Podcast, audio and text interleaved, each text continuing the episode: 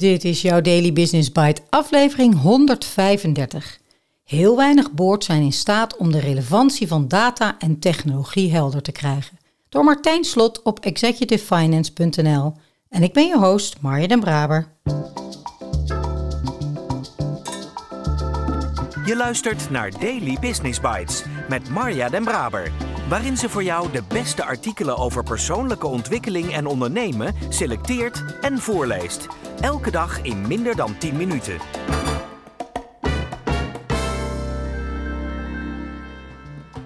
Dit is de podcast waarin ik jouw oren streel met de zachte klanken van de beste artikelen over ondernemen en persoonlijke ontwikkeling die ik maar kan vinden. Met toestemming van de auteur uiteraard. Laten we starten met het optimaliseren van jouw business.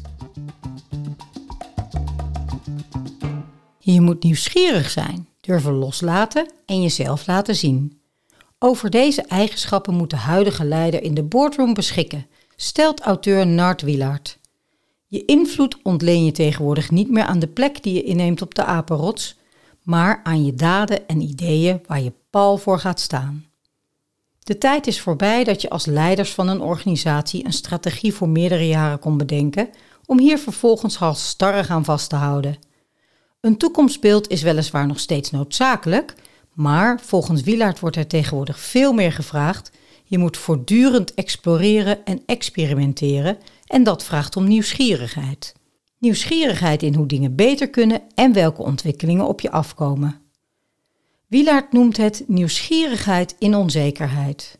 Als je vroeger nieuwsgierig was, moest je in een andere markt gaan kijken hoe ze daar hun marketing deden, of bij een andere fabriek hoe ze daar hun proces zo efficiënt wisten te organiseren.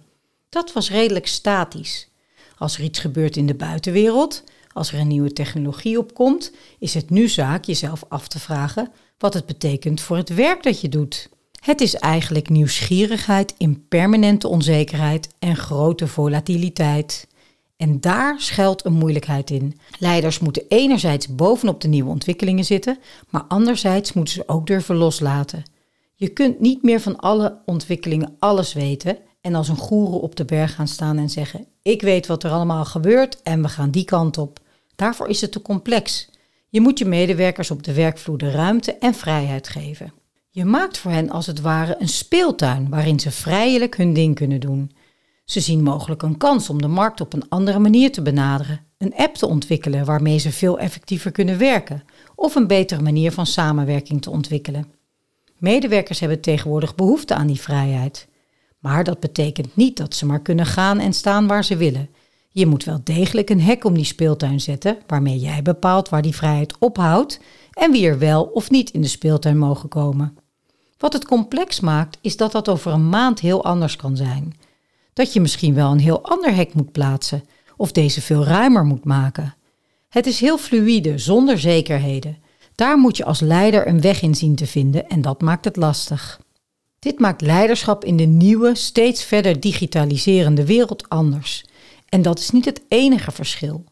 Nog een verschil met vroeger is dat je je invloed niet ontleent aan je plek op de apenrots, maar aan je daden en ideeën waar je pal voor gaat staan. Zelfs als je nog niet precies weet hoe je ideeën gaan uitpakken, moet je er pal voor staan en dat moet een inspirerend effect hebben op de rest van de medewerkers. Daar schuilt onzekerheid in, maar dat vind ik juist de kracht van een leider. Twijfel is een hele menselijke eigenschap en getuigt van kracht. Want hoe kun je in deze wereld nou niet twijfelen aan dingen? Het is onmogelijk. Iedereen die dat niet doet, houdt zichzelf voor de gek. Leiders mogen best wel wat twijfel laten zien. Niemand weet hoe de wereld er over een paar jaar precies uitziet, wat de invloed van technologie daarin is en welke kant we precies op moeten. Je moet vooral geen Mr. of Mrs. Know-it-all proberen te zijn, dan ben je volstrekt ongeloofwaardig. Meer dan ooit is het succes van organisaties afhankelijk van hoe ze met data omgaan. Dit haakt aan bij een verhaal in het boek The CFO in Pole Position, dat Wielaert schreef samen met Mohamed Boeker en Frank Gele. We beginnen dat boek met een verhaal over een Formule 1-race van Max Verstappen in 2019.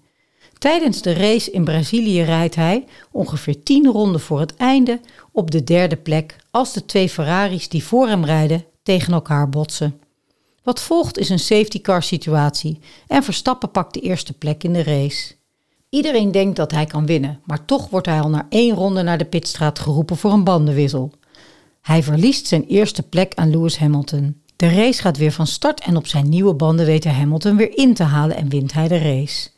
Die bandenwissel was een enorme gok, maar wel gebaseerd op data. Het punt dat ik met dit verhaal wil maken is dat het heel duidelijk is waarom data relevant zijn voor in dit geval het Formule 1-team, maar ook voor bedrijven. Je wint er wedstrijden mee. Dat kun je ook voor data en technologie in het bedrijfsleven zeggen. Je wint er de strijd met je concurrentie mee. Het is van levensbelang. In een Formule 1-team is dat volstrekt helder. Dat getuigt ook van het feit dat na afloop van de gewonnen race van Verstappen hoofdstrategie Hanna Smits mee mocht naar het podium. Wilaard, als je dat vertaalt naar het bedrijfsleven, dan denk ik dat heel weinig boards in staat zijn om de relevantie van data en technologie helder te krijgen. Er heerst een soort fear of missing out. Omdat je collega, concurrent of buurman iets met AI, blockchain of RPA doet, moeten wij het ook maar doen. Maar daar begint het niet mee. Het begint niet met denken over technologie, maar hoe je relevant kunt blijven. Net zoals bij het Red Bull-team van Verstappen wordt nagedacht hoe zij de concurrentie te slim af kunnen zijn. Door op de achtergrond allerlei scenario's te draaien en daar gecalculeerde beslissingen op te nemen. Dat denken moet je eigenlijk ook bij bedrijven krijgen. Tot slot wijst Wielaert de leiders van organisaties op hun verantwoordelijkheid. De wereld van vandaag de dag is ontzettend transparant. Als er iets misgaat, dan weet heel de wereld dat binnen een halve minuut. Daar moet je als leider niet bang voor zijn. Wat je nog vaak ziet, is dat leiders in het oude paradigma zitten van hun reputatie beschermen door persberichten te sturen. Daarin hebben juristen en communicatiespecialisten zich gebogen over bepaalde zaken, zodat ze precies de juiste snaar proberen te raken. Dat werkt niet, daar prikt de maatschappij doorheen.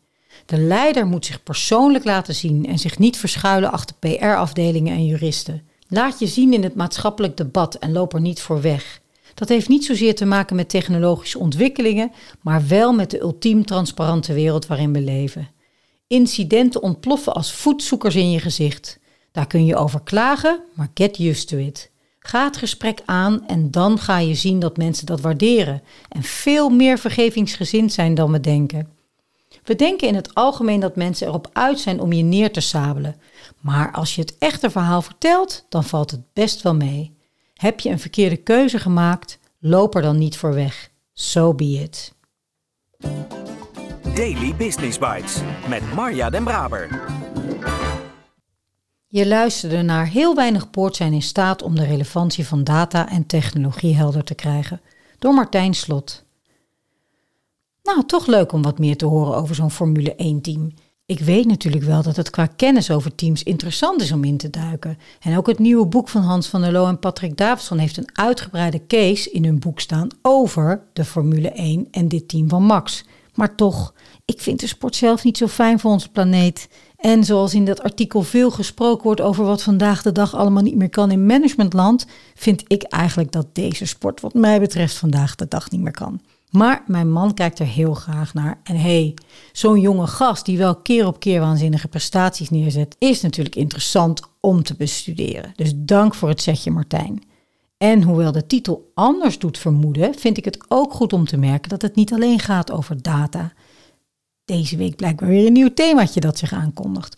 Maar dat het ook gaat over leiderschap, twijfel en kwetsbaarheid. En daar mag wat mij betreft altijd aandacht voor zijn.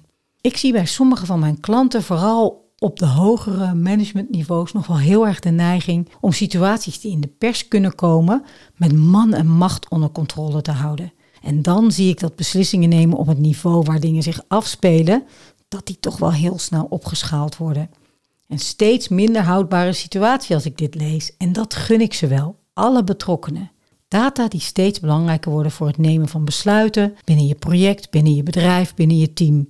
Interessant thema, wordt vervolgd. Fijn weekend en tot maandag. Dit was Daily Business Bites. Wil je vaker voorgelezen worden? Abonneer je dan op de podcast in je favoriete podcast-app. Meer weten? Klik op de links in de show notes.